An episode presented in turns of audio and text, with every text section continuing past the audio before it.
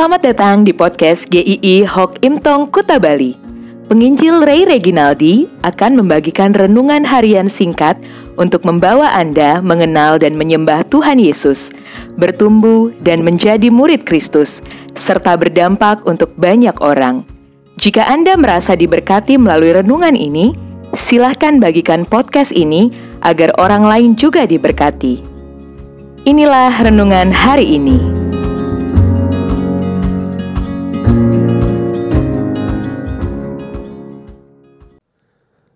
Lega.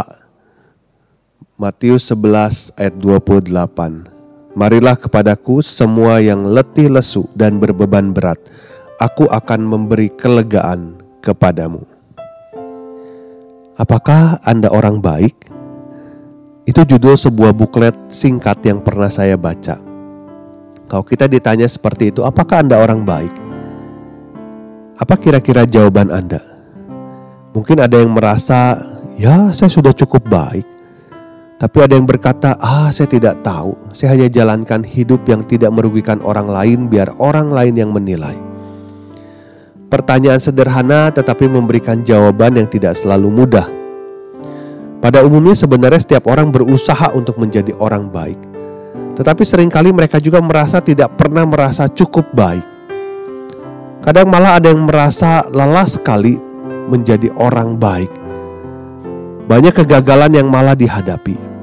Bahkan tidak sedikit orang Kristen yang pernah saya temui juga mengukur penerimaannya di hadapan Tuhan berdasarkan kebaikannya. Kalau dia baik maka dia diterima oleh Tuhan. Kalau hidupnya buruk dia akan dibuang oleh Tuhan. Tetapi masalahnya harus seberapa baik kita di hadapan Tuhan, apakah mungkin mencapai standarnya Tuhan? Orang-orang di zaman Tuhan Yesus dibebani dengan beban keagamaan yang begitu berat oleh pemuka agama zaman itu. Ada daftar peraturan yang panjang yang harus mereka taati supaya mereka memperoleh penerimaan dari Tuhan. Namun masalahnya bahkan ketika semua peraturan itu sudah coba dilakukan, itu malah membawa pada keletihan dan beban yang berat. Karena mereka tetap hanya melihat ketidakpastian ketakutan, kecemasan. Sebaik apa pun mereka berusaha, tidak dapat memberikan ketenangan di dalam hidup mereka. Apakah Anda pernah mengalami seperti itu? Berusaha menjadi orang baik, rajin ke gereja, berbuat baik kepada orang yang kesusahan, tetapi tetap hati Anda tidak tenang.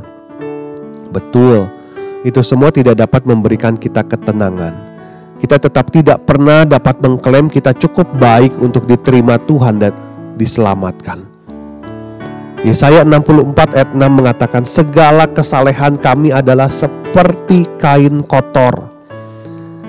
Seperti ayat ini seberapa keras pun kita berusaha menjadi orang baik, kita tidak pernah baik di hadapan Tuhan. Karena kita adalah orang berdosa. Lalu bagaimana? Tuhan Yesus tahu setiap manusia tidak akan pernah mencapai standar Tuhan yang maha kudus. Maka dia berkata, marilah kepadaku semua yang letih lesu dan berbeban berat, aku akan memberikan kelegaan kepadamu.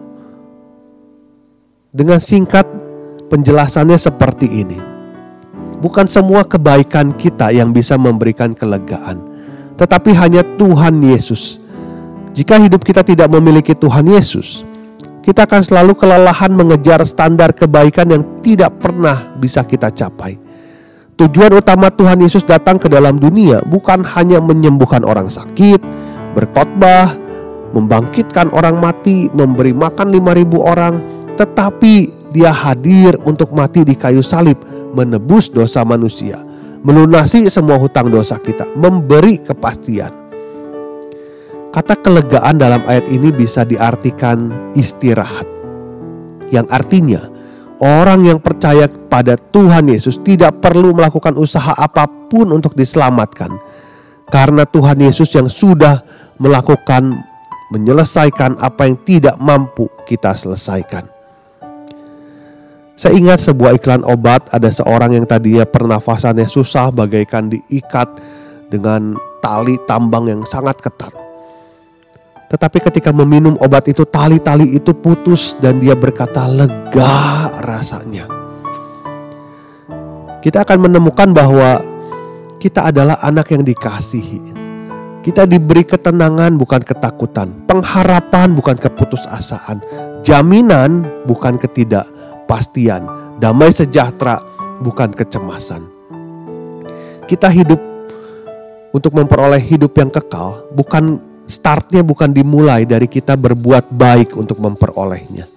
Tetapi karena kita sudah diselamatkan di dalam Tuhan Yesus, maka kita harus berbuat baik. Kita tetap harus berbuat baik bukan untuk diselamatkan, tetapi karena sudah diselamatkan.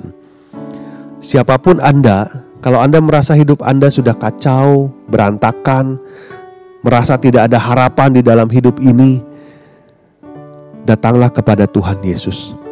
Dia tahu seberapa hancurnya Anda dan dia menerima Anda apa adanya. Kalau Anda selama ini berusaha menjadi baik agar diterima Tuhan, diselamatkan Tuhan, ingat Anda tidak pernah bisa mencapainya. Inilah saatnya Anda percaya kepada Tuhan Yesus untuk mendapatkan kelegaan. Jika Anda sudah percaya pada Tuhan Yesus, ingatlah seumur hidup kita bahwa kita diselamatkan bukan karena kita baik, tetapi karena kasih karunia Tuhan. Amin.